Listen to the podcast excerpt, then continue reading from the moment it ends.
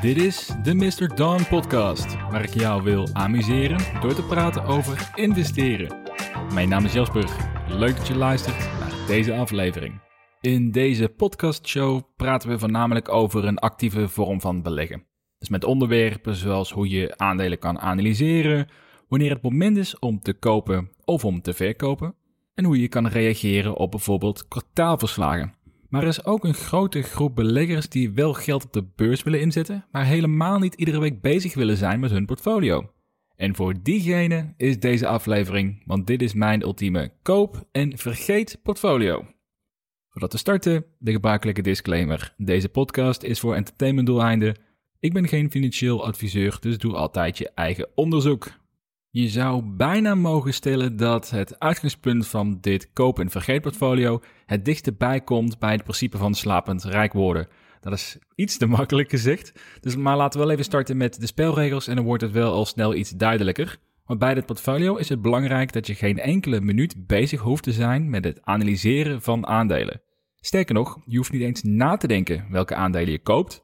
Je maakt dit proces zo eenvoudig en zo gestandaardiseerd dat je eigenlijk nul kennis van de markt nodig hebt en ook niet van het beurssentiment om uiteindelijk succesvol te zijn. En dit heeft tot gevolg dat je geen enkel individueel aandeel kan kopen bij deze strategie. Ja, dat is een zegen en een vloek tegelijkertijd. Maar goed, ieder individueel aandeel dat je bezit zal je moeten blijven volgen, waardoor een passieve houding helaas onmogelijk is. En bij dit portfolio vertrouwen we erop dat de beurs overal over een lange periode altijd stijgt. En we halen emotionele beslissingen uit het proces, wat voor veel beleggers sowieso een absolute zegen is, eh, ook voor mezelf. En we doen dit door een geconcentreerd klein portfolio te bouwen, die bestaat uit brede, diverse beleggingen. Dus om te starten investeren we 40% van ons vermogen in de Nederlandse AEX ETF. En hiermee heb je dekking in 25 van de mooiste bedrijven die ons land te bieden heeft, zoals een Heineken, ASML, Ahold, Philips en natuurlijk Adyen. Voor de Belgische luisteraars zou dit de Bel 20 ETF zijn, want het uitgangspunt is dat je vanuit je dagelijkse leven, met waar jij koopt en welk nieuws je leest, dat je daarmee al genoeg betrokken bent bij je investeringen. En dit geeft enigszins gevoel erbij, zonder dat je echt bewust bezig hoeft te zijn met dingen op de beurs. We doen hetzelfde met een Amerikaanse index. Opnieuw, 40% van ons vermogen gaat naar een ETF uit de VS, waarbij je de keuze hebt tussen de S&P 500 of de Nasdaq ETF. En dit is een persoonlijke keuze. De S&P 500 zorgt namelijk voor een meer divers portfolio, want die index bestaat uit 500 posities, terwijl de Nasdaq zwaarder leunt op technologiebedrijven, maar slechts 100 bedrijven erin opgenomen heeft. Dus afhankelijk waar jouw voorkeur ligt, kies je voor een van deze twee. Ik zou persoonlijk niet een Dow Jones ETF overwegen, omdat die veel minder divers is met slechts 30 posities en ook veel meer leunt op traditionelere bedrijven. En met deze twee aankopen heb je eigenlijk het gros van het budget al verdeeld in twee diverse ETF's in sterke economieën. Dan is het tijd voor een iets meer specialistischere inzet. Ik zou ervoor kiezen om ook in een ETF te investeren vanuit een domein waar jij veel vertrouwen in hebt voor de toekomst. Denk dan bijvoorbeeld aan de Clean Energy ETF's van iShare, waar jij breed investeert in bedrijven die met een energietransitie bezig zijn. Of je kan denken aan een ETF in de biotechnologie als dat jouw interesse heeft. Ja, en als je dit doet met 15% van je vermogen, dan heeft het een wezenlijke impact. Maar ja, mocht de trend nou helemaal doodslaan, dan is het geen verlies dat onoverkomelijk is. Ja, en door de spreiding over meerdere posities is de kans ook wel erg klein dat de hele ETF opgeblazen wordt.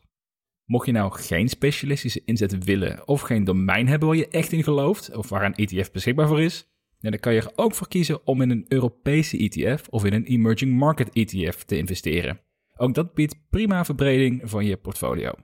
En dan hebben we nog 5% over. En je voelt het misschien al aankomen, die 5% zou ik investeren in Bitcoin. Die positie is namelijk klein genoeg dat het geen grote impact maakt op je totale rendement mocht Bitcoin in de problemen komen, maar wel groot genoeg om te profiteren als Bitcoin uiteindelijk geaccepteerd wordt als een breed wereldwijd betaalmiddel. Ik zou zeker niet mijn hele vermogen inzetten op Bitcoin, maar tegelijkertijd zou ik het ook onverstandig vinden als je niet in ieder geval een kleine allocatie in Bitcoin hebt. En hierbij bedoel ik trouwens ook specifiek Bitcoin, niet een andere cryptocurrency. De reden hiervoor is dat Bitcoin de karttrekker is en ook de grootste speler in de cryptowereld, met de meeste ogen op zich gericht. Dus als crypto succesvol wordt, ja, dan kan je van gif op innemen dat Bitcoin succesvol wordt. Terwijl een hoop andere crypto volledig kunnen falen, ook als Bitcoin als betaalmiddel wordt geadapteerd. Dus we kiezen in dit geval opnieuw voor de veiligste optie. Concluderend, met dit portfolio heb je 40% van je vermogen in je nationale beurs belegd, dus de AEX of de PEL 20, 40% van je vermogen in de Amerikaanse beurs, 15% van je vermogen in een specialistische ETF of in een Europese of emerging market ETF en de laatste 5% in Bitcoin. Afsluitend koop je iedere maand bij op je posities met als doel dat je rond de net genoemde posities blijft. Het maakt niet uit of de koers hoog of laag staat. Als je iedere maand blind koopt, dan garandeer je jezelf dat je geen minuut hoeft te spenderen om op de hoogte te blijven van de beurs. Maar je gaat wel op de lange termijn in een zeer aannemelijk scenario hier hoogstwaarschijnlijk ontzettend van profiteren. Nou, en wie wil dat nou niet? Tot dusver deze aflevering. Ik ben benieuwd wat je van dit kortere format vindt. Dus laat het mij weten via iTunes of via Instagram en Twitter via MrDonNL. Als je mij wil steunen en toegang wilt krijgen tot exclusieve content, ga dan naar mrdon.nl slash donateur of check de site voor nog meer artikelen over beleggen, cryptocurrency en startup investing. Voor nu bedankt voor het luisteren en graag tot de volgende aflevering.